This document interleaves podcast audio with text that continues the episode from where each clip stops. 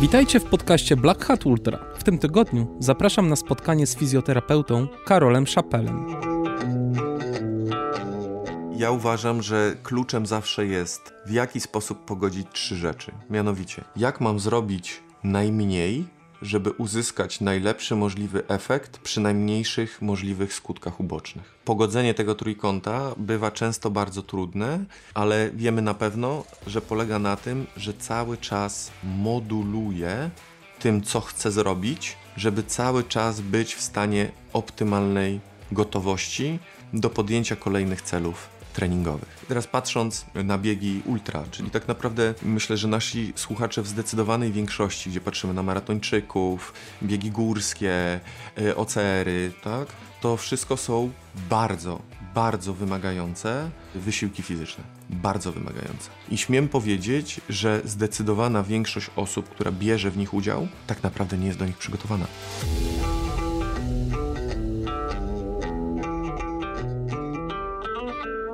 Myślę, że dla wielu osób ten odcinek będzie jak granat wrzucony w ciepłe i miękkie miejsce naszych przyzwyczajeń i przekonań. Rozmowa z Karolem otworzyła mi oczy na wiele spraw związanych z dbaniem o nasze ciało w kontekście wysiłku sportowego.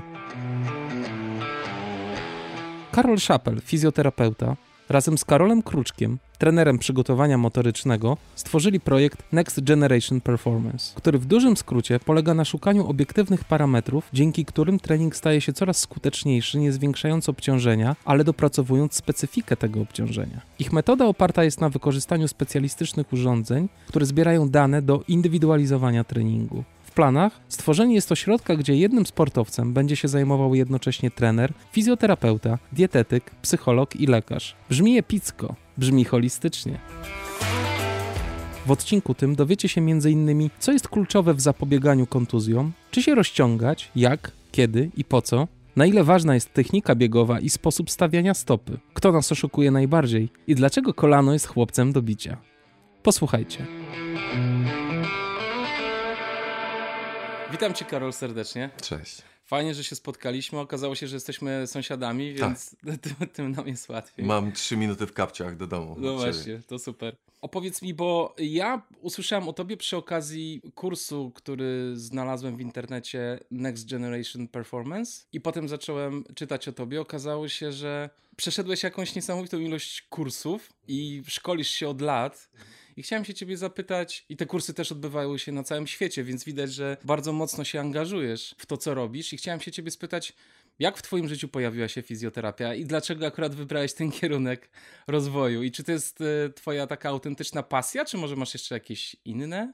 Opowiedz troszkę o sobie. Bardzo ciekawe pytanie. Ja nie potrafię odpowiedzieć na to pytanie. E, Ja w liceum kończyłem klasę o profilu e, MATINF, matematyczno-informatyczną, więc do biologii nie było po drodze.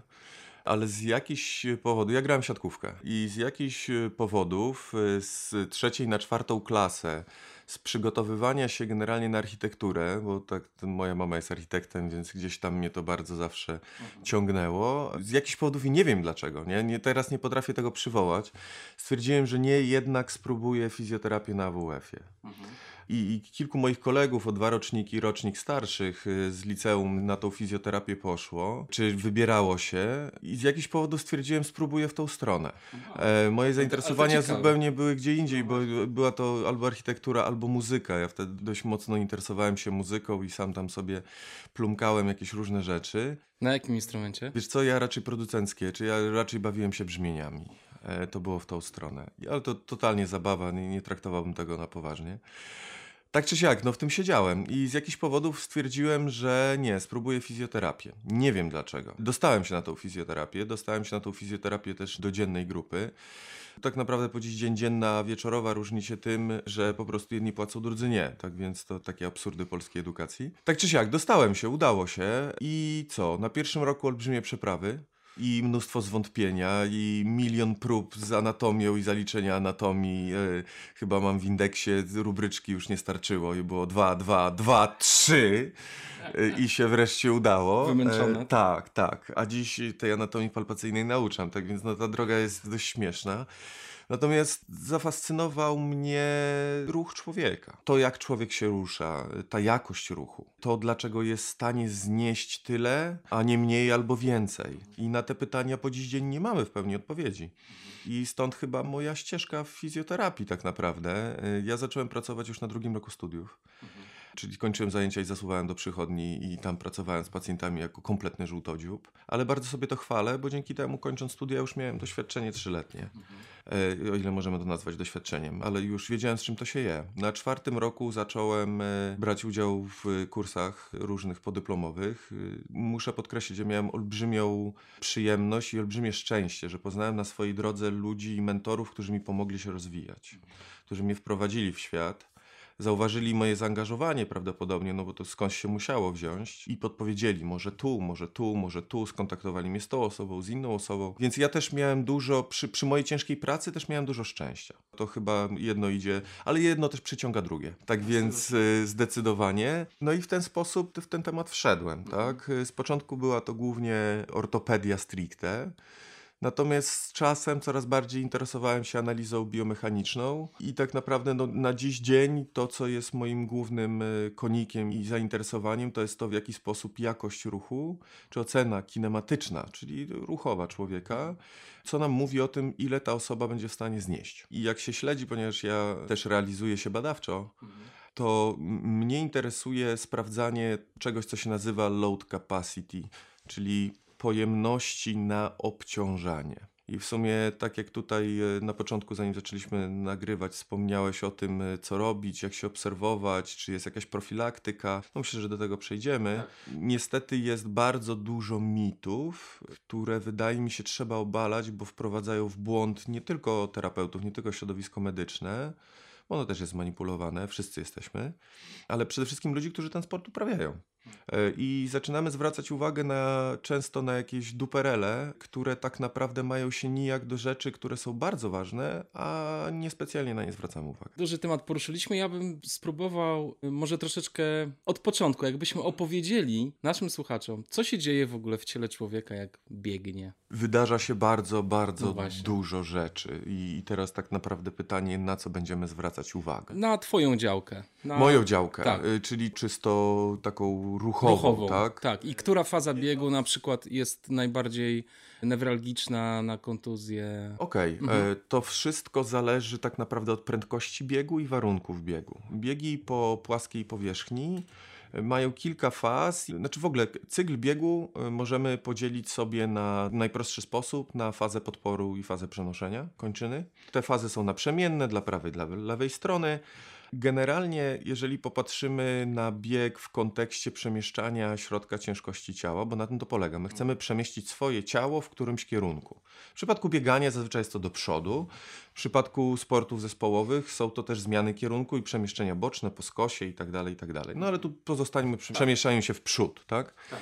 My przede wszystkim musimy stopę postawić optymalnie na podłożu. Początkowa faza postawienia stopy to jest tak zwana faza load response, czyli to jest faza, w której my musimy w jakiś sposób przejąć obciążenie wynikające z siły grawitacji naszego ciała i tak zwanego pędu, bo biegniemy z jakąś prędkością i nasz narząd ruchu musi to obciążenie przejąć. I są różne miejsca w naszym ciele. Możemy się skupiać głównie na kończynie dolnej i obręczy miednicznej, biodrowej, które to obciążenie przejmują. I to obciążenie głównie przy biegach powiedzmy od truchtu przez bieg o średnich prędkościach, to jest przede wszystkim nasz czworogłowy uda. Głównie tutaj mówię o obszernym bocznym i przyśrodkowym. To są te dwie głowy od boku i od przyśrodka uda. I grupa pośladkowa, czyli głównie pośladkowy średni i pośladkowy mały. I to są mięśnie, które w głównej mierze przejmują nasze obciążenie. Stąd te czwórki są dość takie tak, obszerne i może też stąd ta nazwa obszerny, przyśrodkowy, obszerny boczny. Następnie tą energię, przy bieganiu my tą energię też kumulujemy. To jest też dość istotne. Bardzo często ludzie myślą, że my generujemy energię tylko i wyłącznie mięśniami. Mięśnie tak naprawdę przy cyklicznym bieganiu y, wraz z układem nerwowym, bo tego się nie da rozerwać, pracują w ten sposób, że one próbują optymalizować kumulowanie energii w tak zwanej tkance łącznej, czyli takiej pasywnej tkance. Tak? takie jak ścięgno, powięź, tkanka łączna śródmięśniowa, więzadła i tak dalej, i tak. Choć więzadła akurat nie służą nam do kumulowania energii, ale przede wszystkim ścięgna. I te ścięgna, jak możemy sobie je postrzegać troszeczkę jak sprężynki, czyli w momencie, kiedy się obciążamy, te sprężynki się naciągają, po czym później w momencie odbicia, czyli fazie late stance, czyli propulsyjnej fazie, napędzającej nas, my tą energię będziemy oddawać. I generalnie ścięgna w kończynie dolnej, czyli ścięgna, które są poddawane tego typu obciążeniom w ogóle u człowieka, mają tą zdolność, że praktycznie w optymalnych warunkach, to jest bardzo laboratoryjne, ale około 93% energii pochodzącej z rozciągnięcia one oddają. Czyli przykładowo, jak biegniemy, będę teraz rzucał liczbami, ale chodzi o zrozumienie, to nie są super dokładne liczby, ale chodzi o zrozumienie zasady działania. Czyli w momencie, kiedy biegniemy ze średnią prędkością dla nas, i każdy ma swoją, bo każdy ma swoją maksymalną prędkość i optymalną prędkość, tak?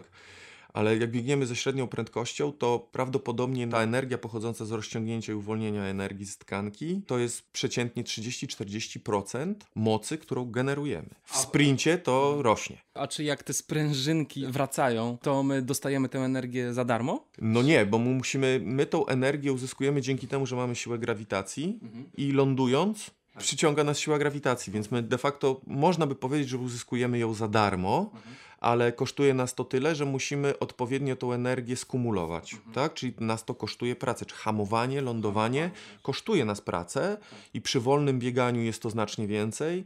Przy bardzo szybkich biegach, jak wzrasta nam, wzrasta nam prędkość do prędkości maksymalnych jak w sprintach, to ten udział tak naprawdę maleje hamowania. Co nie zmienia postaci rzeczy, że nadal musimy umieć odpowiednio wylądować. No właśnie, bo im szybciej biegniemy, tym bardziej jakby unosimy się nad ziemią, tak? Tym delikatniej dotykamy. Tak, to jest skakanie i przy sprincie nawet bym powiedział, że właśnie przy szybkim bieganiu, w ogóle sprint, może nawet tutaj patrząc na specyfikę Twoich słuchaczy, sprint jest czymś zupełnie innym niż bieganie. Nawet mechanika jest To zupełnie prawda, inna. ale wiesz, robimy treningowo interwały, wiesz, na 100 metrów na przykład, nie? Także też nam się zdarza biegać w ten sposób. No to sprinty są zupełnie inne i jak się popatrzy na topowych sprinterów, to to, to bieganie czasami, szczególnie w fazach akceleracyjnych, jest zupełnie inne. To jest jakby tłoki waliły w glebę, a nie naprzemiennie stawiać stopy i odpychać od podłoża. To jest raczej młotkowanie w podłoże.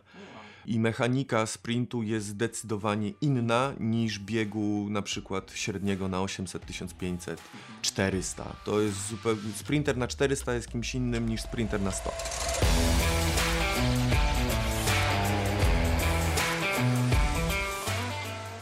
Powiedziałeś również o tym, żeby optymalnie stawiać stopę. Co to oznacza? optymalnie dla mojego ciała. Całość polega na tym, że stopa jest po pierwsze jedynym miejscem w naszym ciele, które kontaktuje się z podłożem, a więc stopa będzie pierwszym miejscem, które będzie po pierwsze transferowało naszą siłę w podłoże i będzie transferowało siłę reakcji podłoża w nasze ciało. Musimy pamiętać, że musimy amortyzować każde zdarzenie. To, w jakim czasie narasta siła w czasie, czyli tak zwany rate of force development, to jest kluczowy parametr i dynamiczności, czyli eksplozywności naszej ruchomości, ale też parametr, który będzie wpływał na to, jak te obciążenia będą wpływały na nasze tkanki. I teraz spójrzmy na coś takiego. Optymalnie postawić stopę. Stopa ma jakąś swoją trajektorię, jak ją stawiamy na glebie. Oczywiście niekończąca się dyskusja, czy biegać spięty, śródstopia, przodostopia.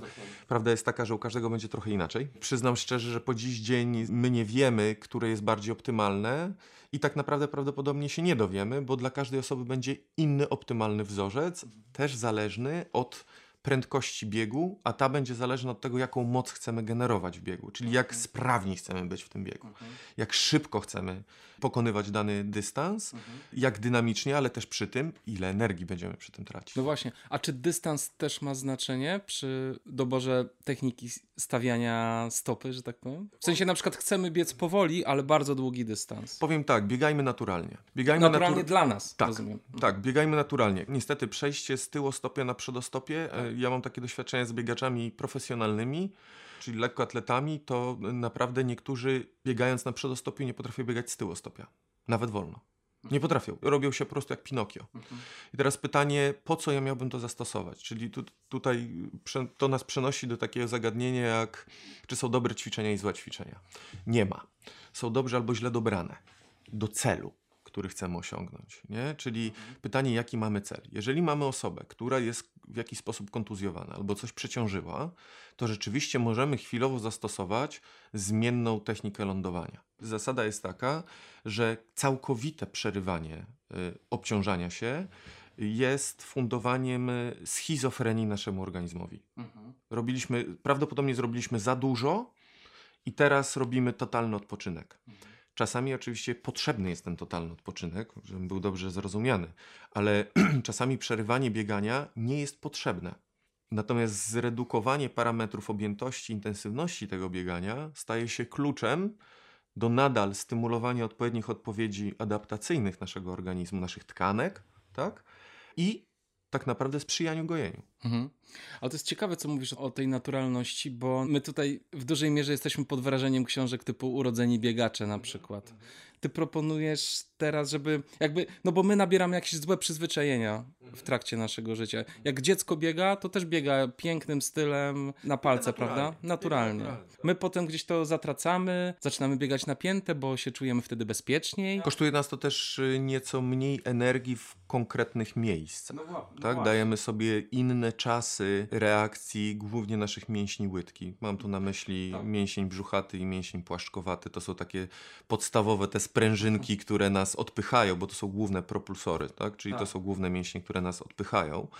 I teraz spójrzmy może na to w ten sposób. My możemy sobie pozwolić na tyle, na ile zbudowaliśmy zdolność obciążania się. Czyli większość problemów u osób biegających wynika z tego, że próbują zbyt szybko zbudować objętość bądź intensywność. Ta progresja objętości intensywności jest po prostu zbyt szybka. Będąc szczerym, to jest podstawowy problem powodujący przeciążenia i niekoniecznie te przeciążenia przez jakiś pierwszy czas mają boleć. One nie muszą boleć. Tutaj dam przykład czegoś, co się nazywa tendinopatią, czyli to są problemy bólowe ścięgien z różnym nasileniem zmian zwyrodnieniowych w tym ścięgnie. I proszę zwrócić uwagę, że większość ścięgien, które się urywa, nie bolało.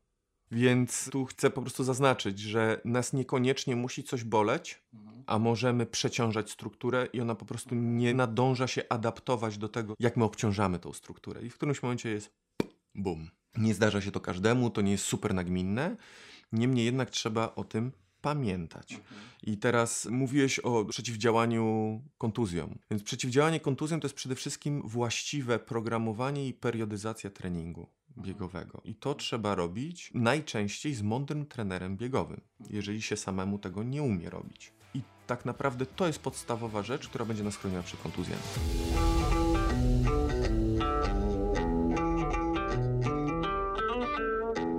Oczywiście, coś takiego jak technika biegu, czyli to jak biegamy, to jest istotne, to jest ważne, natomiast nie aż tak, jak nam się wydaje. Są mhm. pewne błędy, których nie należy popełniać, mhm.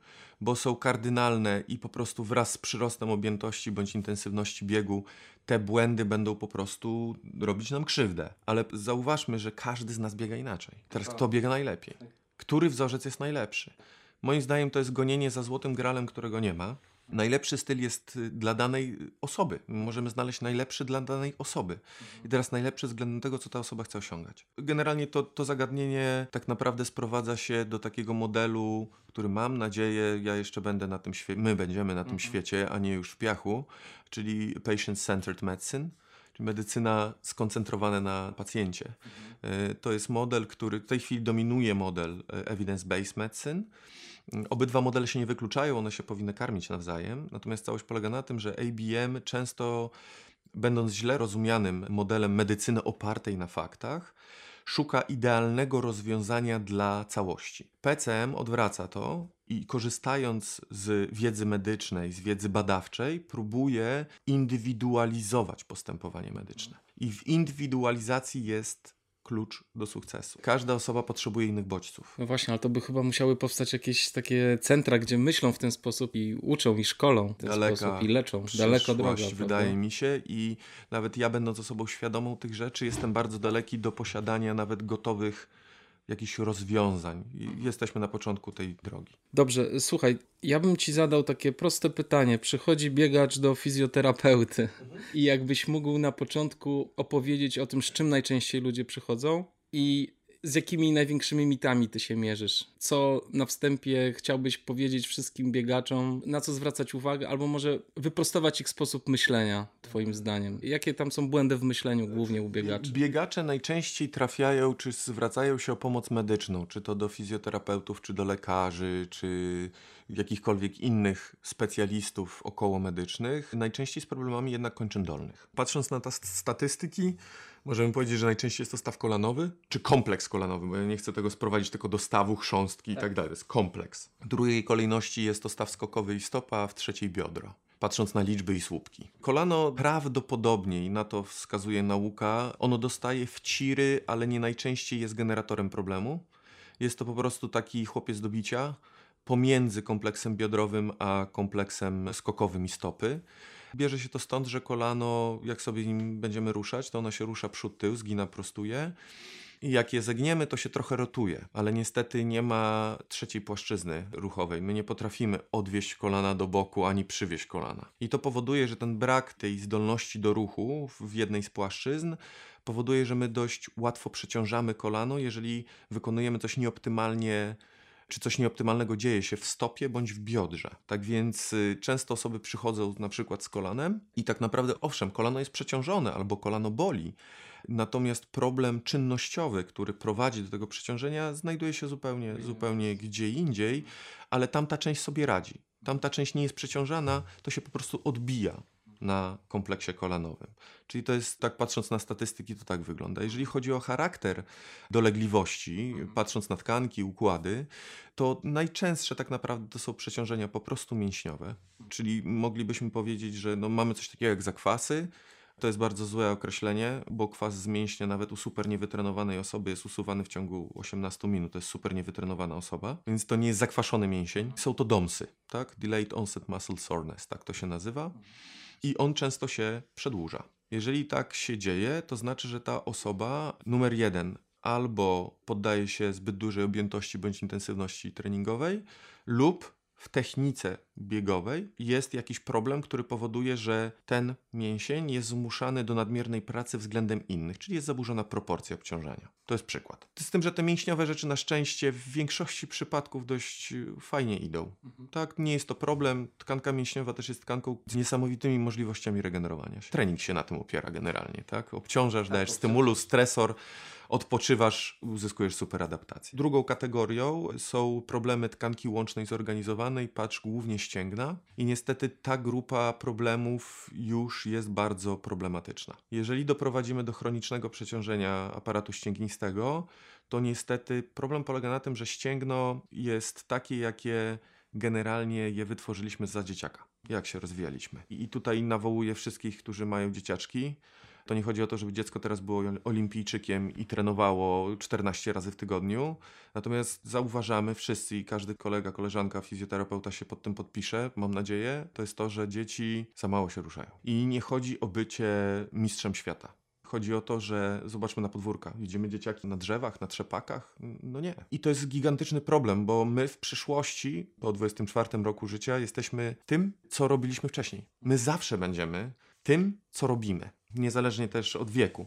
Tylko chodzi o to, że zdolności do wytworzenia, do stworzenia aparatu ruchu, szczególnie w kontekście takich rzeczy jak ścięgno, chrząstka i wytrzymałość kostna, to to są rzeczy, które my formujemy za młodu. To później można podbijać oczywiście, ale nasze zdolności drastycznie spadają. No popatrzmy na to, jak dzieciaki się goją za młodu, a jak się goimy w wieku 30+, plus, nie? To, tak. to jest przepaść. Bardzo namawiam do aktywności. Tej aktywności jest za mało. I tutaj pozwolę sobie wtrącić, bo na Proszę. pewno słuchaczy masz sporo, ilość zwolnień z WF-u. Oczywiście problem jest złożony, bo z jednej strony, najpierw powiem o tej rzeczy niewygodnej, wiele zajęć z WF-u jest po prostu bez sensu. Te zajęcia są nudne dla dzieci, są źle prowadzone, źle w tym kontekście, że nie angażują dziecka. Albo w pewien sposób dziecko źle reaguje na te zajęcia w kontekście czysto psychospołecznym. Mhm. Te relacje w grupie, bo jestem słabszy. Co z tego? To nie chodzi o to, żeby to był ciągle konkurs. Tak? Stawiaj się lepszym względem siebie, nie względem innych. Tak. tak? Nie każdy ma być mistrzem świata. To jest jedno. To też nie jest tak, że wszystkie dzieci muszą wykonywać tę samą aktywność. Oczywiście, że nie. Prawda? Oczywiście, że nie. To chodzi po prostu o aktywność dobraną do możliwości tego dziecka. I każdy z nas ma inne te zdolności. Tak? Więc powinniśmy to Znów w jakiś sposób, nawet najprostszy, indywidualizować. Bardzo bym sobie tego życzył. Fajnie by było, żeby tak było. Tak? Nie rozumiem rzeczy w postaci zwalniania dzieciaków z WF-u. Ja rozumiem, że jest poważny problem zdrowotny i są problemy zdrowotne, które uniemożliwiają dzieciom uczestniczenie w takich zajęciach. Ale to jest promil, a nie 40 czy no około 40%. Tak? To jest dramat. I teraz z jednej strony ja powinienem siedzieć i zacierać ręce, bo nigdy nie będę bezrobotny, natomiast z drugiej strony przeraża mnie to. Tak? Przeraża mnie to. I druga strona medalu, czyli zmuszanie dzieci do bycia zawodowcem. To nie jest ten czas. Po prostu. Dzieci w okresie szczególnie silnego wzrostu nie powinny być obciążane nadmiernie, dlatego że bardzo często, jeżeli się przegnie, przekroczy się pewną granicę obciążeń, to po prostu doprowadzamy do przeciążenia tych centrów, które odpowiadają za wzrost. Więc takie rzeczy jak choroba Scheuermana, czyli to chodzi o kręgosłup, bóle kręgosłupa i problemy z płytkami wzrostowymi kręgosłupa. Osgood Schlatter, czyli bóle, bóle w kolanie, guzowatości piszczeli. Problemy z piętą Haglunda, czyli problemy z przyczepem e, mięśnia, mięśnia trójgłowego łydki. Mogę tak wymieniać, wymieniać, wymieniać. To nie są rzeczy, które biorą się znikąd. To są rzeczy, które biorą się po prostu z przeciążenia tych struktur. My musimy zacząć zwracać na to uwagę i indywidualizować reakcje na takie zdarzenia. Bo to świadczy tylko i wyłącznie przegięto, przegięto. Po prostu nie da rady.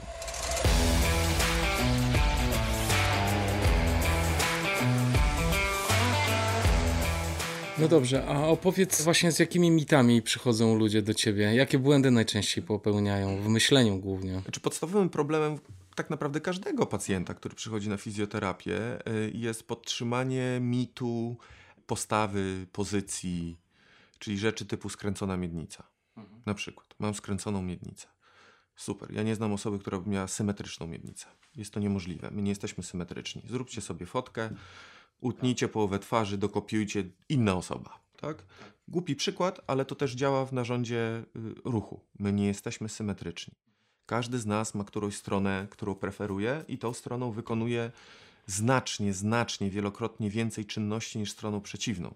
Jeżeli coś robię więcej jedną stroną niż drugą, naturalnym jest, że te strony będą się różniły. Tak. tak?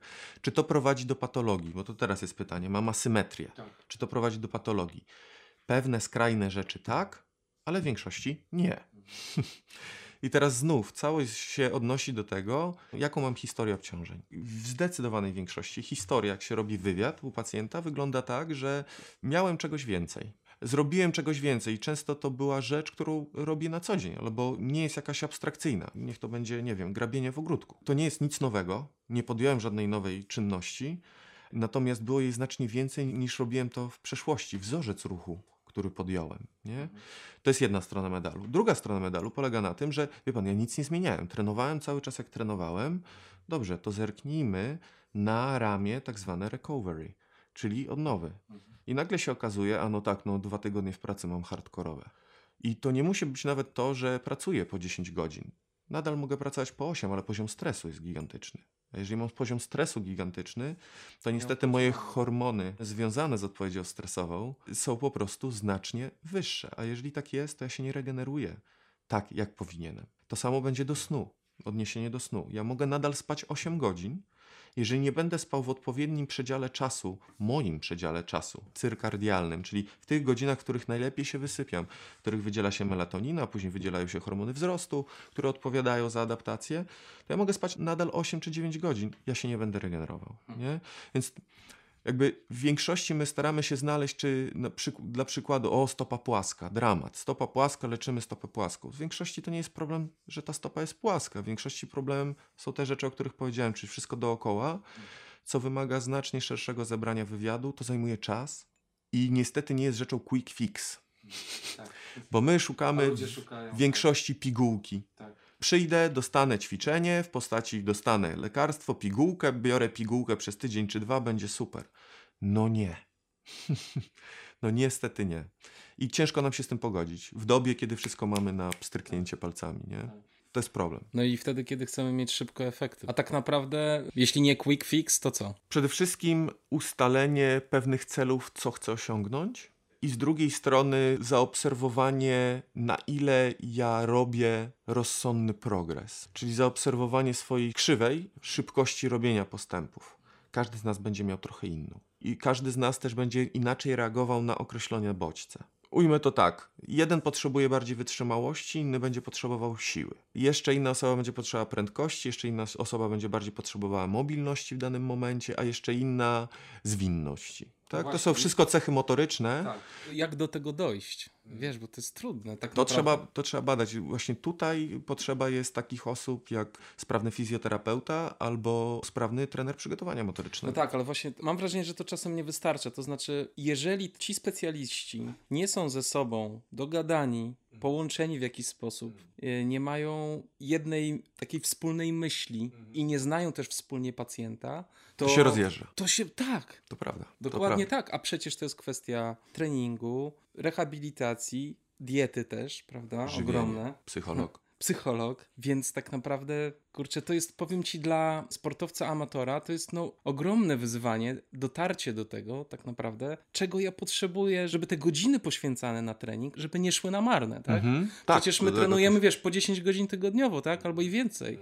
I teraz okej, okay, nam się wydaje, że wow, super, dajemy ognia, ale z drugiej strony ta cała energia może iść w gwizdek. Tak, bo tak naprawdę nie zyskujemy tego efektu, y, który mamy zamierzony. Ja generalnie jestem, nie lubię tego słowa, jestem raczej ze świata nauki, więc nie używam słowa wiara czy wyznawca, ale wiarę też trzeba mieć, tak, bo to jest, to jest znaczy istotne. Znaczy głowa, tak, tak, tak, tak, tak, tak. Ja uważam, że kluczem zawsze jest, w jaki sposób pogodzić trzy rzeczy. Mianowicie, jak mam zrobić najmniej, żeby uzyskać najlepszy możliwy efekt przy najmniejszych możliwych skutkach ubocznych. Pogodzenie tego trójkąta bywa często bardzo trudne, ale wiemy na pewno, że polega na tym, że cały czas moduluje tym, co chcę zrobić, żeby cały czas być w stanie optymalnej gotowości do podjęcia kolejnych celów treningowych. I teraz patrząc na biegi ultra, czyli tak naprawdę myślę, że nasi słuchacze w zdecydowanej większości, gdzie patrzymy na maratończyków, biegi górskie, e, OCR-y, tak, to wszystko są bardzo, bardzo wymagające wysiłki fizyczne. Bardzo wymagające. I śmiem powiedzieć, że zdecydowana większość osób, która bierze w nich udział, tak naprawdę nie jest do nich przygotowana.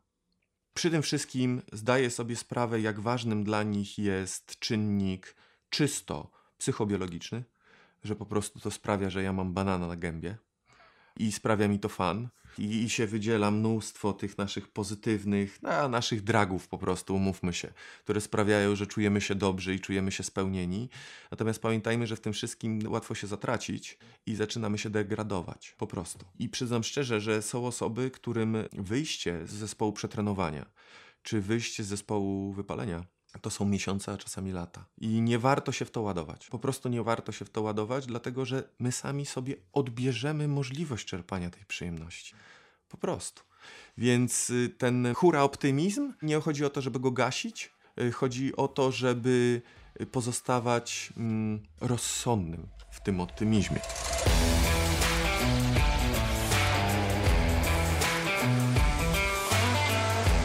A jak my możemy ocenić, czy jesteśmy przygotowani na dane wyzwanie? Tych możliwości jest wiele. Teraz y, po pierwsze pytanie, co będziemy oceniać, tak? Które parametry będziemy oceniać? Czy parametry czysto tak naprawdę kognitywno-behawioralno-afektywne, czyli nasze, naszego nastawienia, tu trzeba brać pod uwagę, że my jesteśmy najskuteczniejszą osobą w oszukiwaniu samych siebie. To trzeba bardzo pamiętać. Znaczy, zdecydowanie trzeba tak, to pamiętać. Tak bardzo czegoś chcemy, że... Tak, oczywiście. Jeżeli mamy takie, a nie inne oczekiwania, to będziemy nawet zakłamywać odpowiedzi biologiczne. Oczekiwania nasze względem bardzo różnych czynników potrafią modulować biologię. Czyli na przykład, już króciutko tylko wtrącę, efekt placebo to nie jest magia, to jest odpowiedź biologiczna w wyniku naszych oczekiwań na zmianę. I teraz w wykorzystywaniu efektu placebo nie ma nic złego, tak długo, kiedy nie próbujemy efektem placebo wygoić tendinopatii. Okay? Na przykład. Bo efekt placebo nie przełoży się na to, że się ścięgno zacznie przebudowywać albo będzie zdolny do przenoszenia większych obciążeń. Nie. Niemniej jednak efekt placebo, czyli tego nastawienia pozytywnego, będzie sprzyjał optymalnemu adaptowaniu się do wysiłku, tak? Czyli on jest pozytywny. Natomiast zbyt często my leczymy samym placebo.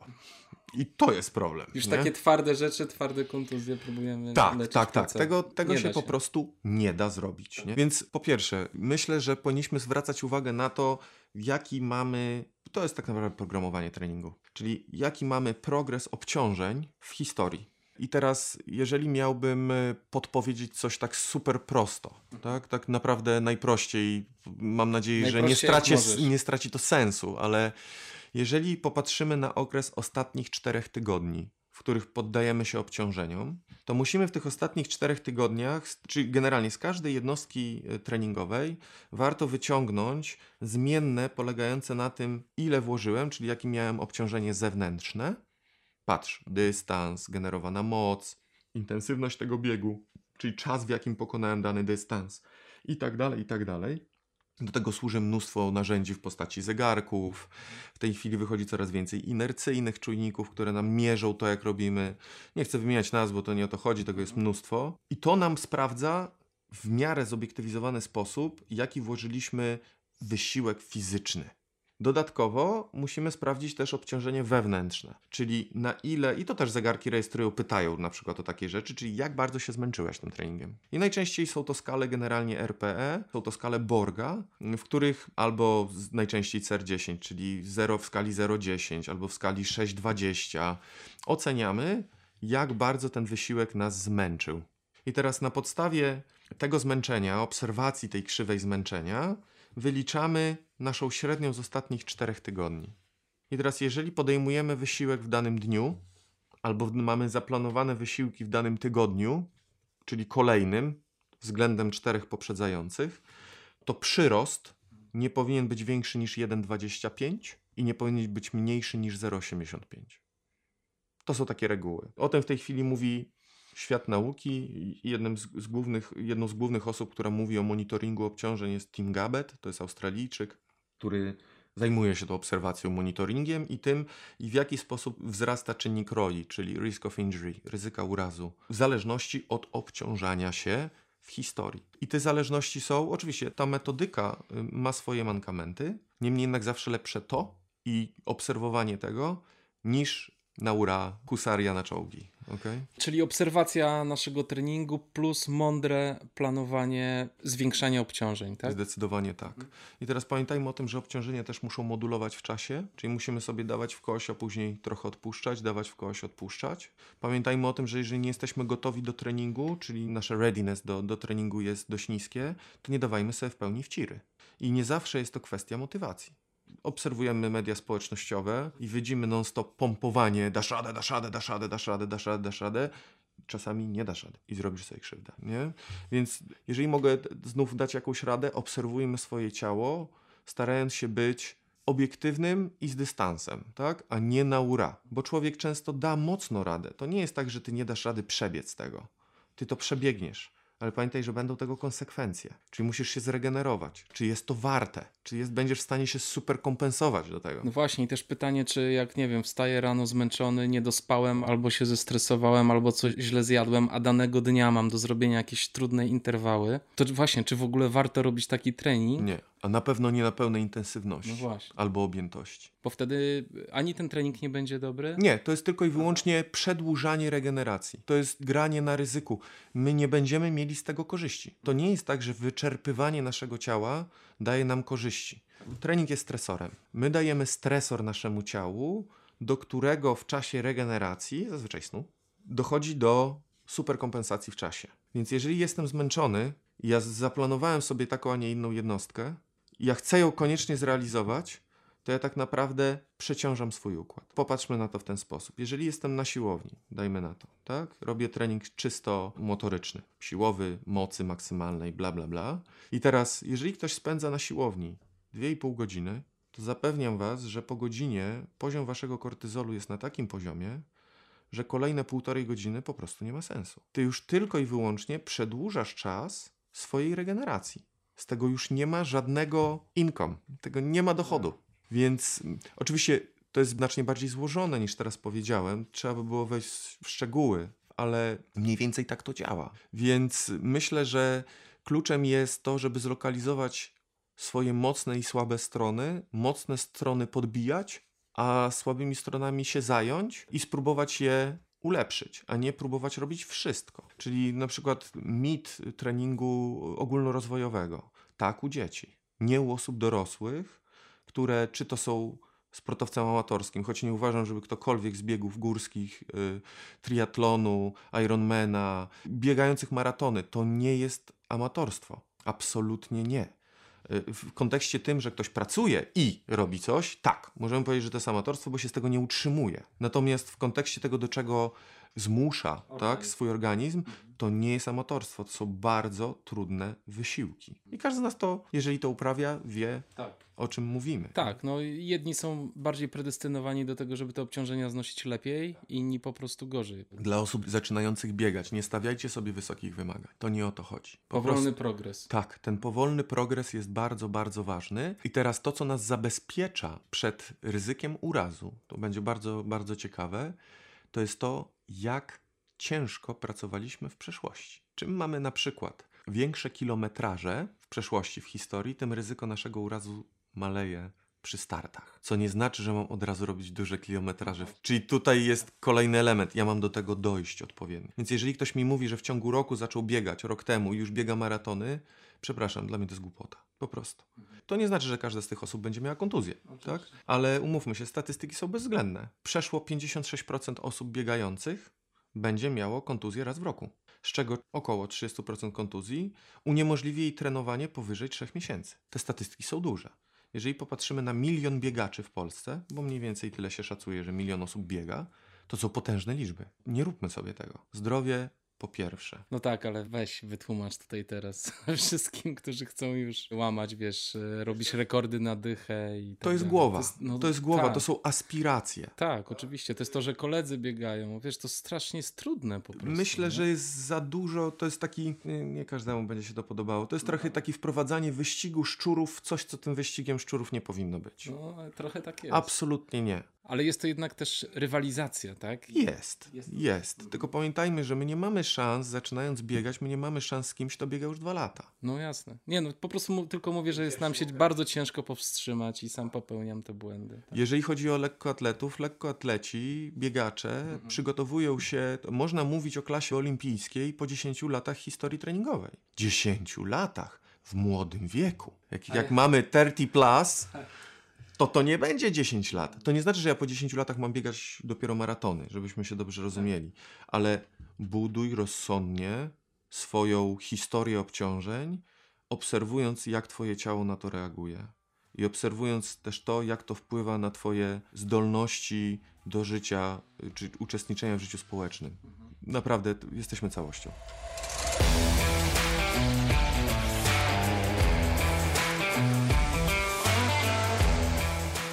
Dobrze, a powiedzmy o tym, jak możemy zapobiegać kontuzjom. Mam tutaj na myśli, jakiego rodzaju ćwiczenia możemy wykonywać, poza tym, że powolny progres w bieganiu. To jakie na przykład ćwiczenia powinniśmy w domu wykonywać? Może coś, co na co dzień powinniśmy stosować? Jakieś sprzęty może powinniśmy sobie kupić do domu? Czy na pewno to znowu zależy od osoby? Ale może jakiś taki możemy ustalić zestaw zasad dla biegacza. Rozumiem. Generalnie na pewno biegamy całym ciałem. Tak, to jest raz, więc skupianie się tylko i wyłącznie na kończynach dolnych niekoniecznie będzie nas zabezpieczało przed czymś. E, niemniej jednak, oczywiście, dolna część ciała jest najistotniejsza dla biegacza. Nie muszę mieć silnych bicepsów, żeby biegać. Tak. Okay? Prewencja i profilaktyka to nie są ujednolicone protokoły dla każdego. I dlaczego o tym mówię? Dlatego, że znów my szukamy tego złotego grala i po prostu to nie ma sensu. Zadajesz mi to pytanie i bardzo Ci za nie dziękuję, bo ja nie mam jednoznacznej odpowiedzi, które ćwiczenia. To będzie zależało od tego, jakie są potrzeby tej osoby. Ja o tym mówię po to, żebyśmy nie próbowali szukać najlepszych ćwiczeń sami albo jakiegoś protokołu ćwiczeń, których jest miliard pięćset po prostu w internecie, dlatego że na jednych to zadziała, na innych nie. To nie jest indywidualizowane do moich potrzeb. Więc jeżeli mogę coś podpowiedzieć, jeżeli czuję, że mam gdzieś braki, czuję, że zac albo zaczynam, albo czuję, że miałem kontuzję, albo się przeciążałem, pójdźcie do osoby, która potrafi Was ocenić motorycznie, podpowie Wam, które elementy leżą w cudzysłowie, które są słabsze i dobierze Wam odpowiednie parametry pracy nad tymi elementami. I wtedy ta praca będzie miała sens. Bo tak będziecie tracić trzy razy w tygodniu albo codziennie 45 minut na coś,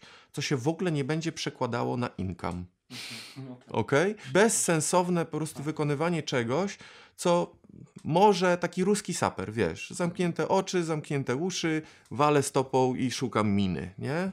A nóż się uda, a nóż się nie uda. To nie ma sensu. Po prostu szkoda naszego czasu, którego i tak podejrzewam, no wiem, że osoby, które trenują szczególnie te biegi długie w różnych formach, i tak mają mało. Więc musimy Optymalizować. mega optymalizować sens tego, co robimy. Nie? My nie mamy czasu, my nie możemy sobie już pozwolić na robienie rzeczy bezsensownych, po prostu.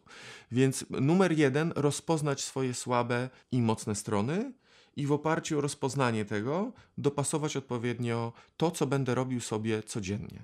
Teraz, czy to będzie w domu, czy to będzie na siłowni, to już kwestia tego, w jakim aspekcie mam coś robić. Jeżeli u danej osoby mamy problemy z mobilnością, tak? Po prostu zakresy ruchowe w którychś częściach ciała są już aż tak małe, to nie znaczy, że my mamy być, nie wiem, baletnicą do tego, żeby biegać, bo to jest nieprawda, tak? I to, że ktoś nie ma, nie wiem, super pełnego wyprostu w biodrze, to nie powoduje, że zaraz będzie miał kontuzję, bo też tego typu rzeczy pojawiają się we wszelkich super radach doktora Google'a. To jest niestety bzdura. To nie do końca tak wygląda.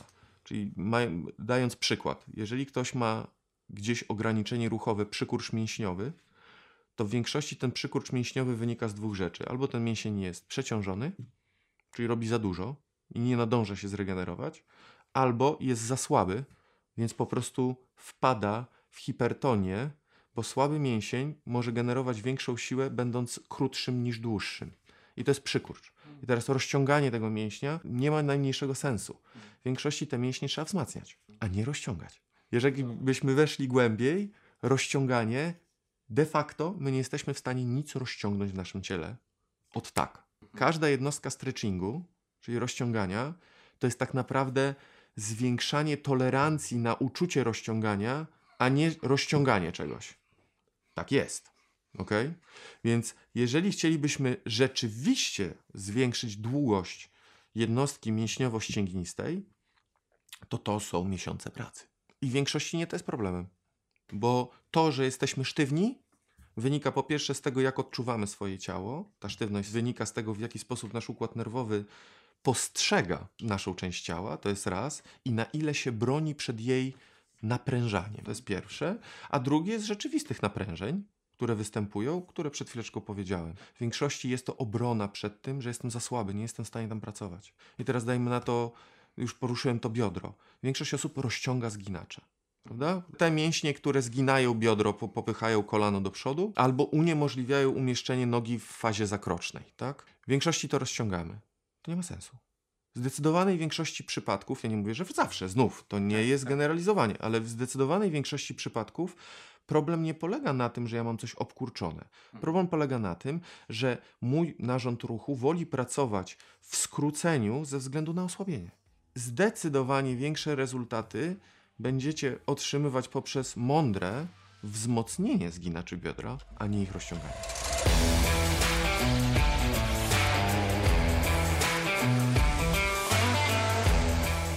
No dobra, no to rozciągać się po bieganiu, czy się nie rozciągać? Po bieganiu, moim zdaniem, rozciąganie, nie tylko moim zdaniem, pokazuje nauka. Znowu, jaki masz cel?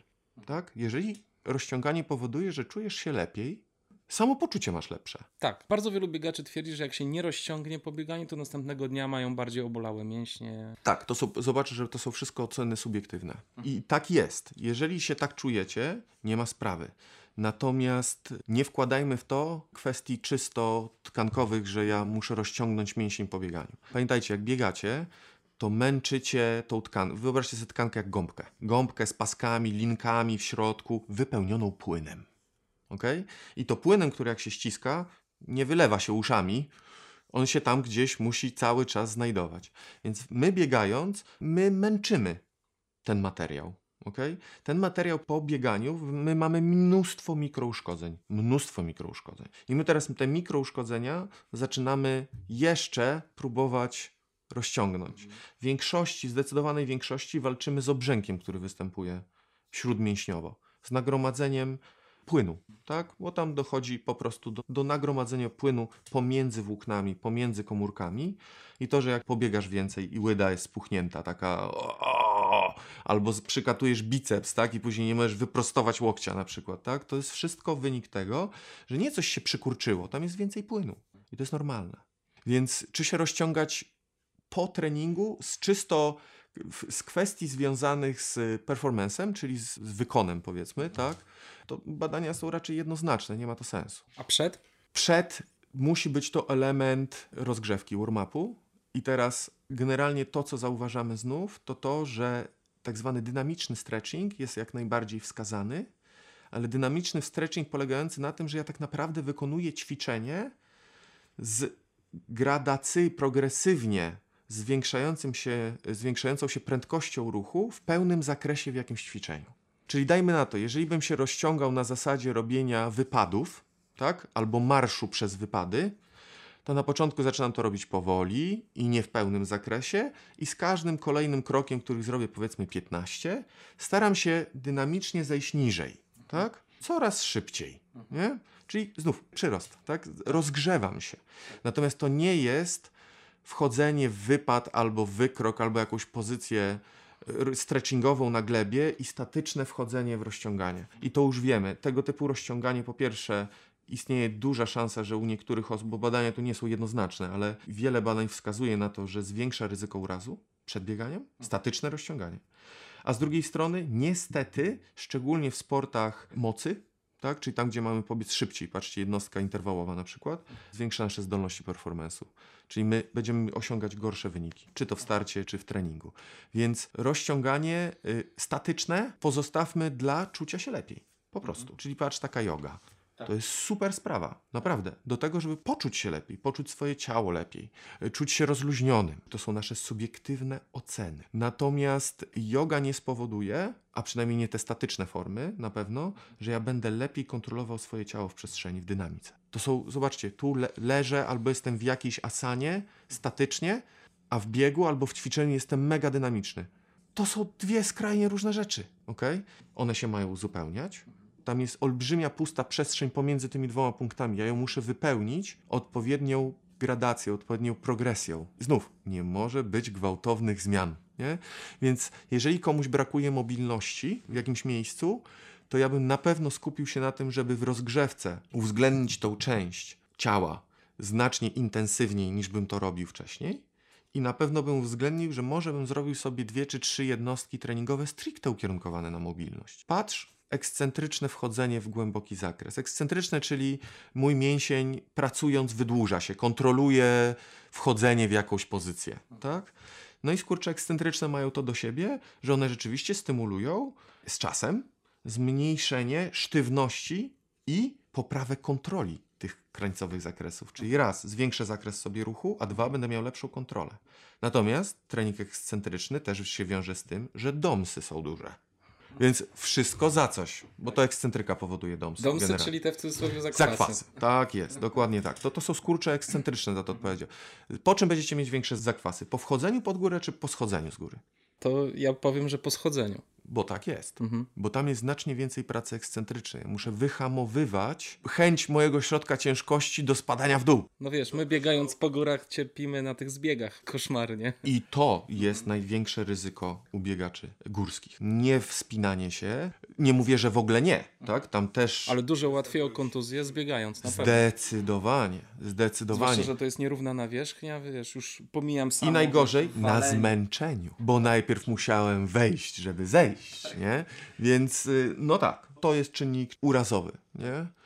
Tak więc to, to by było a propos rozciągania, nie? A opowiedz jeszcze o rolowaniu. Czy rolowanie ma jakiś sens? Znów, jaki byłby cel? Celem byłoby też regeneracja generalnie, czyli żeby się czuć następnego dnia lepiej. Czuć tak, ale czucie nie przekłada się na pomiar. Czyli czysto z biologicznego punktu widzenia to nie jest forma regeneracji. Nie. Pamiętajcie, że rolując się, to też jest stresor. To, to boli jest. jak cholera przecież. Raz, że boli. Myślę, że też nie chciałbym być odebrany, że wszystko jest bez sensu, tak? Nie, nie. Natomiast rolowanie jest na przykład fajnym narzędziem skanowania swojego ciała gdzie jestem najbardziej tkliwy. Tak więc to rzeczywiście jest fajne, o cholera, w tym miejscu rzeczywiście bardzo mnie boli, jak się roluje. Więc jeżeli to się zaczyna powtarzać, jeżeli ciągle pojawia się przez jakiś czas, to to na pewno jest miejsce, którym warto by było się zainteresować, dlaczego tak jest. Jeżeli samemu mam zdolności do rozpoznania tej przyczyny, to super, zrób to. Jeżeli nie, udaj się do osoby, którą możesz o to zapytać. No właśnie, a masaże, idąc dalej, masaże robione przez masażystę profesjonalnego, mhm. sportowego, to też nie jest forma regeneracji ciała, tylko też masaż działa jest, na nasze masa, samopoczucie? Masaż jest stresorem. Regeneracja to jest odpoczynek. I ten odpoczynek albo może być odpoczynkiem aktywnym, e, albo odpoczynkiem stricte pasywnym. Odpoczynek pasywny kładę się, wyglebiam się, odpoczywam. Tak? Odpoczynek aktywny to są wysiłki w większości o średnich bądź krótkich czasach trwania poniżej pierwszego progu tlenowego.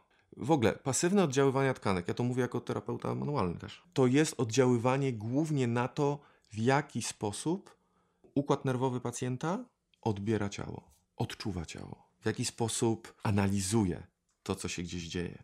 To, że ktoś gdzieś pomasował, ponaciskał, wkół igłę, poigłował, gdzieś coś kliknął czymś, tak? Coś roztarł.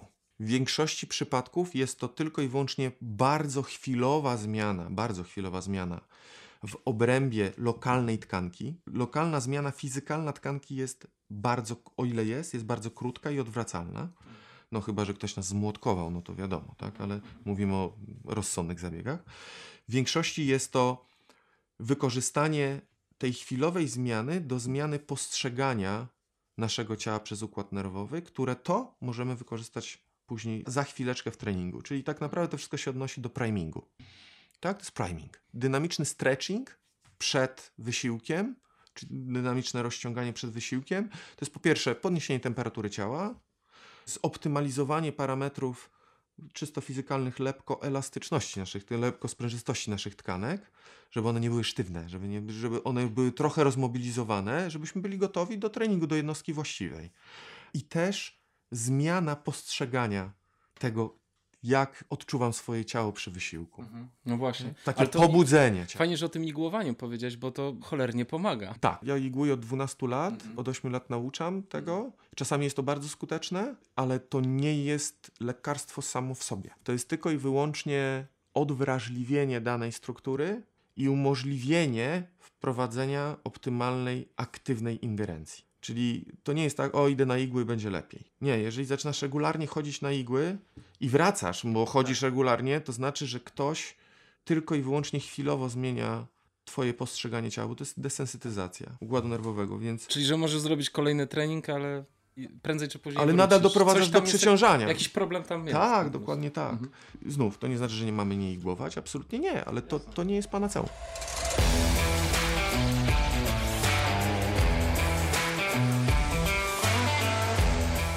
Dieta. Potrafiłbyś coś powiedzieć, czy w ogóle na przykład ze swoimi pacjentami rozmawiasz o diecie? I czy dieta ma jakiś wpływ na to, że tych kontuzji pojawia się mniej? Jak na to patrzysz? Na pewno nie jestem osobą kompetentną i nie posiadam kompetencji w zakresie może nie tyle diety, co żywienia. Dieta to jest leczenie. Dieta to jest mhm. taka mod chwilowa modyfikacja sposobu odżywiania w celu osiągnięcia konkretnego celu. Natomiast żywienie to jest moja higiena żywienia się na co dzień. Tak? To jest ta różnica między tymi dwoma słowami, przynajmniej tak ją rozumiem. Więc y, moje kompetencje są bardzo ograniczone. Ja nie czuję się kompetentny, żeby zalecać mhm. cokolwiek.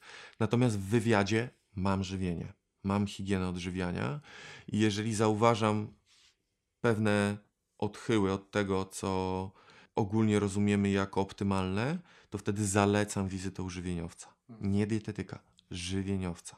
No proszę. To nie wiedziałem, że jest różnica, szczerze jest, powiem. Jest. Na czym ona polega? Generalnie osoba, która zajmuje się żywieniem, ona zajmuje się optymalizacją długofalowych planów. Natomiast tu dietetycy mogą mnie zlinczować za to, albo żywieniowcy, ale żywieniowiec nadal może być dietetykiem, dietetyk może być żywieniowcem. Chodzi mi o to, że w większości układanie diety która często wyrzuca pewne produkty, czasami dość skrajnie, a z takimi po prostu rzeczami spotykam się w gabinecie. Z czasem, e, przedłużającym się czasem, staje się niebezpieczna, bo budujemy deficyty. diety, na przykład jest coś takiego jak keto dieta, wręcz nawet w formie żywienia sondą przez 10 albo 14 dni, ona ma konkretne cele medyczne i związane stricte z redukcją tkanki tłuszczowej, ale też na przykład związane z tym, że mm, jesteśmy w stanie dość sprawnie pozbyć się na przykład grzybicy albo robali. Czy takie oczyszczenie. Tak, grzyby, pleśnie, to, to się odżywia cukrami. Natomiast to jest terapia, a terapia nie ma trwać 5 lat. To trzeba robić pod kontrolą osób, które są kompetentne w tym zakresie. Więc w ogóle ja uważam, że jakiekolwiek ingerowanie poważniejsze w to, co jem i jak jem, powinno być nadzorowane przez osobę świadomą, z czym to się może wiązać. Nie? No dobrze, ale mówiliśmy o tym żywieniowiec versus dietetyk, czyli żywieniowiec jakby rozpisuje, czy też robi wywiad odnośnie takiego szerszego planu twojego żywienia, tak? Na przestrzeni dużej części twojego życia. Dokładnie tak. A nie skupia się tam na przykład... Na celu. odchu- Tak, a nie skupia się na celu. Tak, tak, tak. To jest bardziej zoptymalizowanie, zindywidualizowanie tego, jak powinienem jeść w kontekście długofalowych planów. Dietetyk, i to nie chodzi o stopniowanie, że któraś rzecz jest gorsza, lepsza. Po prostu wydaje mi się, że cele są inne, po prostu. Nie tyle sam dietetyk, co dieta nakierowana jest na plan down krótkoterminowy, który później żywieniem trzeba podtrzymać. Jedno do drugiego się uzupełnia, czyli dietę bym postrzegał jako terapię, żywienie postrzegałbym jako optymalizowanie tego, co w ogóle robię na co dzień. No czyli rzeczywiście, najpierw należałoby zacząć od ustalenia ogólnych zasad, a potem Tak, dopiero stosować. dokładnie. I później, jeżeli z czymś sobie nie radzę, to spróbować zrobić bardzo specyficzną ingerencję. I Wtedy rzeczywiście najlepiej jak żywieniowiec na pewnym etapie staje się dietetykiem, tak? Myślę, że większość osób, które się tym zajmują, są jednym i drugim. Natomiast y, tak samo jak w mojej branży, bo może od tego zacznę, żeby nie było, że kogoś atakuję tutaj, ale y, w każdej branży mamy mm, medianę, jeżeli chodzi o poziom wiedzy i umiejętności. I problem polega na tym, że w tej chwili branża czy gałąź fizjoterapii jest regulowana. My mamy swoją ustawę, którą wywalczyliśmy, mamy swoją izbę. My staramy się to wszystko normalizować, bo było bardzo wielu fizjoterapeutów, którzy się tytułowali fizjoterapeutą, a nim nie byli, bo byli po trzydniowym kursie. Mamy mnóstwo osób, które zajmują się ingerencją w ludzkie ciało na różnych poziomach, nie mając do tego żadnego przygotowania medycznego czy biologicznego. I przyznam szczerze, to jest zmora to zabrnęło już tak daleko, że my próbujemy nawet poważne stany patologiczne y, leczyć czy wyciągać tych ludzi z tego y, sposobami, które po prostu one nie mają krztyny potwierdzenia, że to może działać. Naprawdę to jest bardzo niebezpieczna droga. Nie? Okej, I to samo jest z żywieniem i z dietą. A jak normalni ludzie mogą docierać do specjalistów rzeczywiście wysokiej klasy? Czy są jakieś instytucje, które spajają tych specjalistów sprawdzonych? Nie. Nie ma czegoś takiego. Nie ma. Myślę, że na całym świecie będziemy z tym teraz borykać. I teraz nie chodzi mi też o to, że ktoś, kto jest powiedzmy z altmedu, tak, jakby z alternatywnych jakichś form, jest niekompetentny. Nie to mam na myśli. Chodzi mi o to, że w tej chwili żyjemy w dobie, w której wystarczy mieć skuteczną reklamę gdzieś yy, i robimy z siebie specjalistę. A często osoby, które naprawdę są specjalistami, yy, nawet nie mają zdjęcia na Facebooku. Albo nie mają Facebooka. No właśnie, jak do To nich jest, dotrzeć? to jest nie? olbrzymi problem. Osoba, która rzeczywiście jest dobra w tym, co robi, ma problemy z tym, żeby znaleźć czas na promowanie siebie. To nie jest w ogóle coś, czym ona się zajmuje. Tak? Nie chcę usprawiedliwiać, bo można zatrudnić do tego agencję, E, ale niektórzy nawet o tym nie pomyślą. Tak? Więc niestety informacje, które znajdujemy w internecie, są bardzo, bardzo, bardzo dalekie od prawdy. Bardzo dalekie od prawdy i wiele rad. Ja naprawdę w swojej gałęzi, czysto ruchowej, tak? Jak czytam niektóre, nawet na znanych portalach, rady albo sposoby na coś, y, to się jeżę. To mi gęsia skórka przychodzi. Bo ja po prostu widzę, ile osób zrobi sobie czymś krzywdę. A z drugiej strony widzę też mnóstwo bełkotu. Czyli mamy wypracowanie na dwie strony, z którego nic nie wynika. Bo ktoś przeczytał na krzyż kilka rzeczy i złożył z tego zlepek, bo ma po prostu oglądalność i musi ją podbijać. Przepraszam, że o tym mówię, ale tak jest. Ale tak po prostu jest. I to jest zmora. Zmora, zmora, zmora, zmora. Pseudonauka, pseudowartościowe informacje, które często, i to jest niestety ryzyko, bo często te rzeczy brzmią logicznie. Czytamy to, nie no, wygląda, wygląda super, no w sumie logiczne, nigdy o tym nie pomyślałem. Ale niestety w większości jest to bzdura. To jest tylko sprytnie poskładane. Tak, tak. I często osoby, które to piszą, czasami jest sprytnie, jest z premedytacją to zrobione, ale w większości jest to zrobione dlatego, że osoba, która to pisze, popełnia tak zwany błąd potwierdzenia. Czyli my generalnie znów mamy przekonania jakieś. Nauka nie służy udowadnianiu rzeczy. Nauka służy podważaniu. E, I teraz, jeżeli ktoś badając jakiś temat, szukając, czytając o czymś. Po prostu to nie musi być od razu super science, tak? To może być najprostsza rzecz. Jeżeli o czymś czytam i szukam potwierdzenia swojego przekonania, to zapewniam Was, że się niczego nie dowiem. Bo natychmiast odrzucam rzeczy, które mogłyby mnie zainteresować. My nie powinniśmy szukać rzeczy, które potwierdzają moje przekonania. Ja powinienem rzeczy szukać, które negują moje przekonania. Ale to jest wychodzenie poza pewien bąbelek, strefę komfortu. To jest niewygodne. To bije w moje jakieś fundamenty czasami, ale to jest jedyna droga do rozwoju. I to robimy też treningiem. Staramy się przekraczać tak. jakąś strefę komfortu, tylko chodzi o to, żeby nie przekroczyć jej za bardzo. No i żeby to robić z głową, w sensie, wydaje mi się, tak intuicyjnie myślę, trzeba potrafić się też w pewnym momencie zatrzymać, to znaczy znaleźć dla siebie jakieś takie rzeczy, które są dla mnie prawdą i działają dla mnie tak. i nie podważać się bez końca w tym sensie. Oczywiście, prawda? że nie. Jeżeli coś mi działa i nie robi mi krzywdy, tak. to nawet niech to będzie siła sugestii. Działa. W porządku. Jeżeli ci nie szkodzi, Pytanie, czy dostrzegasz, czy ci szkodzi? Bo ja widzę gro ludzi, którzy trafiają do mnie do gabinetu, ćwiczą na przykład siłowo. Przykład. Dziewczyny. Crossfit. To nie jest wina crossfitu. To jest wina nastawienia.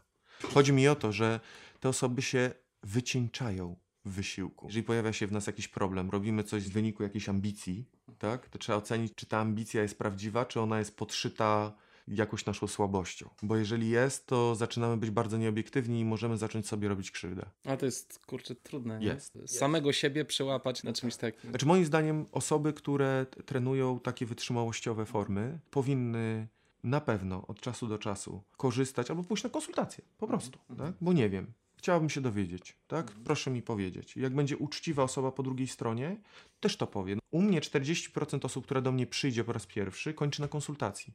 Bo albo nie widzę de facto specjalnego problemu, dam proste zalecenia i jest pozamiatane, albo ta osoba nie kwalifikuje się na moją pomoc, bo moja pomoc wykracza poza moje kompetencje. Ja nie jestem od wszystkiego. Teraz mamy trochę zmorę, że wszyscy specjaliści są od wszystkiego. Ja cię uleczę, nieważne co ci jest, ja cię uleczę robiąc to samo. No zastanówmy się nad tym, przecież to jest bzdura kompletna, nie? Więc jak ja mam 60% skuteczności, to ja śpię spokojnie. To jest naprawdę świetnie. A ludzie się chwalą skutecznościami pod 100%. To są kłamstwa. Po prostu to są kłamstwa.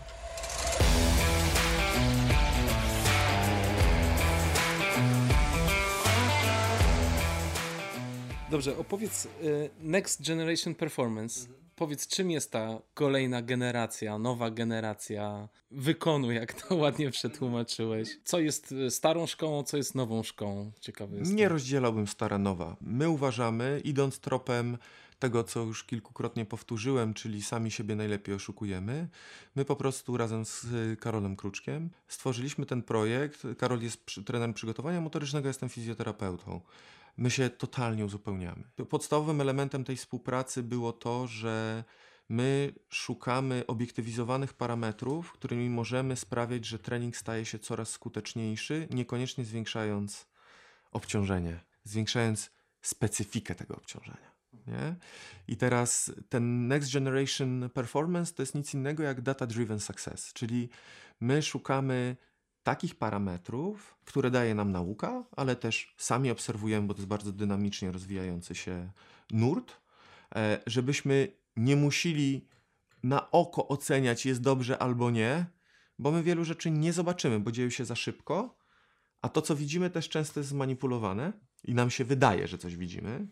Więc szukamy parametrów czysto liczbowych do tego, żeby indywidualizować wysiłek. Więc to jest taka siła przewodnia tego projektu i stąd też inwestujemy bardzo dużo w sprzęty pomiarowe, dość zaawansowane. Nie mówię to tylko o prostych, małych czujniczkach typu jakieś pushbandy, bisty, stridy i tym podobne, ale i mocniejsze, po to, żeby budować protokoły, w których będziemy mogli oceniać gdzie my mamy zaingerować. Czy macie jakieś swoje studio, gdzieś gdzie można przyjść i się zbadać i potem uzyskać u was... Na chwilę obecną, Karol jest z Krakowa, jestem z Warszawy, mhm. więc jesteśmy w cudzysłowie rozbici. Budujemy tą strukturę na pewno, robimy to raczej powoli niż szybko, natomiast mam nadzieję, że najbliższe kilka miesięcy będzie bardzo dynamiczne mhm. i wydaje mi się, że uda nam się zbudować i ośrodek w Warszawie, to nie to, że zbudujemy, kupimy ziemię i zbudujemy ośrodek. No to fajnie by było, ale musiałbym w Totka wygrać. Natomiast miejsce, do którego można przyjść i my taką ocenę wykonamy w kontekście zamierzonych celów. Bo to jest zawsze, jaki masz, co ty chcesz osiągnąć. Ja ci nie zrobię himenem we wszystkim. No jasno. Co chcesz zrobić, nie? Ja ci powiem, że jeszcze tak jak patrzę na was, to tak marzyłoby mi się, gdyby do was dołączył trzeci mhm. dietetyk, tudzież żywieniowiec. Jesteśmy w trakcie. Jesteście w trakcie. I psycholog. Super. I psycholog. I, I, lekarz. Tak. Kurczę, to, to są, będę to... waszym pierwszym klientem. My, my, my chcemy zbudować prawdziwy zespół, który się rozumie. Nikt z nas nie zrobi tego sam. Wszystkiego. To jest niemożliwe. Trzeba budować zespół i teraz zespół, który a ja czasami lubię rzucić czymś takim. Nie, ludzie między sobą nie próbują sobie udowadniać, kto ma większego, tylko starają się osiągnąć wspólny cel. Każdy z nas jest potrzebny. Każdy z nas. I teraz tak samo istotny jest psycholog, fizjoterapeuta, trener, lekarz, żywieniowiec. My jesteśmy jednym teamem. I u jednej osoby istotniejsze będzie to, u innej osoby będzie istotniejsze to, u innej tamto. My to budujemy razem. I taki jest nasz cel tego, tego projektu, a ten cel zrodził się z prostej przyczyny. My po prostu zderzyliśmy się z betonem w wielu ośrodkach sportu zawodowego. I mówię to z całą świadomością tego, że to idzie publicznie. Ale my musimy zacząć definiować problem, żeby coś stało się lepszym. My musimy zdefiniować problem i zacząć o nim szczerze rozmawiać. I teraz to nie znaczy, że ja mam rozwiązanie, że ja jestem the best, patrzcie, ja to robię najlepiej. Nie. Ja wcale tak nie uważam. Ja nie mam gotowych odpowiedzi, natomiast uważam, że udawanie, że problemu nie ma, to jest największym problemem powodującym znaczy tak, brak zmian. Tu nie chodzi o to, że wy jesteście wszyscy najlepszymi specjalistami na świecie, ale wasze podejście jest chyba najbardziej odpowiednie ze wszystkich, takie idealne można by powiedzieć, czyli że wy holistycznie spojrzycie na temat, który macie rozwiązać. Staramy prawda? się, widzimy po prostu w tym sens, że to no jest tak, to. no bo to są przecież wszystko puzzle, które trzeba poskładać. Nie, da się, nie da się inaczej. Da się I, Kiedy, I kiedy to działa tak w rozerwaniu, tak to, to, po prostu nie będzie działało. To po prostu nie będzie działało. Tak, nie będzie działało. I nawet to, że staramy się budować zespół, wynika z tego, że też często ludzie mają swojego psychologa, swojego żywieniowca, swojego trenera przygotowania motorycznego, swojego trenera sportowego, technicznego czy dyscypliny. Natomiast te osoby często nawet są świetne ale działają w oderwaniu. Nie mają ze sobą kontaktu.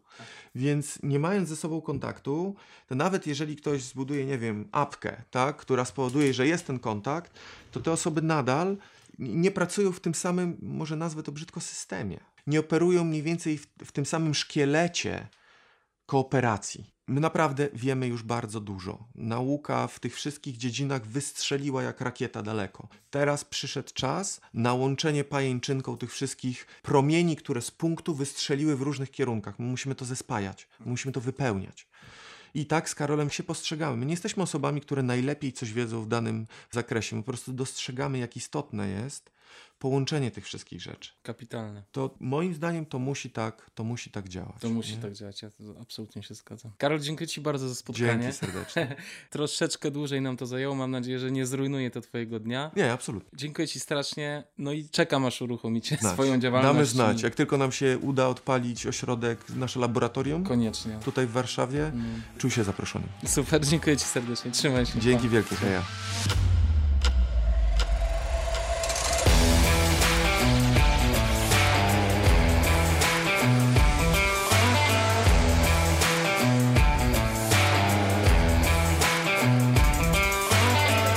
Nie wiem co sądzicie, ale dla mnie ten projekt wydaje się być niezwykle ciekawy. Pomimo tego, że im dłużej biegam, tym mniej skupiam się na cyfrach, a bardziej na odczuwaniu, to kto wie, może warto poświęcić jeden sezon na eksperyment tego typu? Może właśnie najlepsze czeka nas wtedy, gdy połączymy odczuwanie ciała i suche liczby?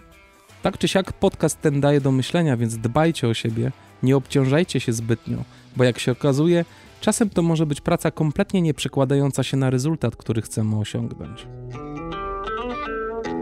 Dziękuję Wam serdecznie za wysłuchanie tego podcastu. Zapraszam Was też do wysłuchania pozostałych 39 odcinków Ultrahistorii. Jeśli podoba Wam się to, co robię, wspierajcie podcast w mediach społecznościowych i umieszczajcie informacje o nim w relacjach, postach i na tablicach. Niech wieść się niesie i słuchaczy przybywa. Im więcej słuchaczy, tym większa szansa, że podcast będzie długo cieszył Wasze uszy. Możecie również wesprzeć ten podcast finansowo na patronite.pl łamane na Black Hat Ultra. Bardzo doceniam każdy wkład, A najniższy próg wsparcia to tylko 5 zł, więc nie ma na co czekać. Dokładny link znajdziecie w opisie odcinka. W tej chwili podcast na Patronite wspiera 26 osób, ale chciałbym wymienić tutaj nazwiska tych, których wkład jest największy. Są to Przemysław Barnowski, Krzysztof Bednarz, Michał Janiak, Marcin Jaźwiecki, Jakub Korczyk, Marcin Stefaniak i Edyta Winnicka.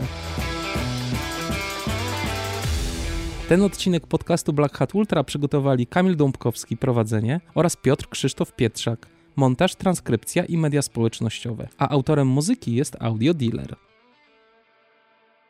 A jeżeli jeszcze ktoś tu jest, jeżeli jeszcze ktoś mnie słucha, jesteś tu?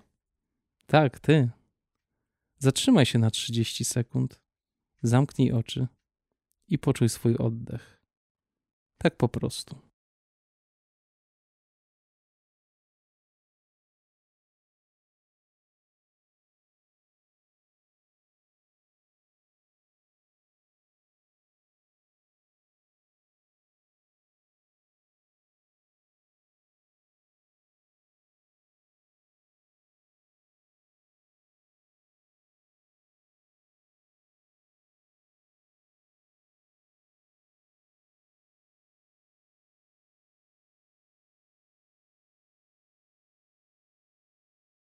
buscar.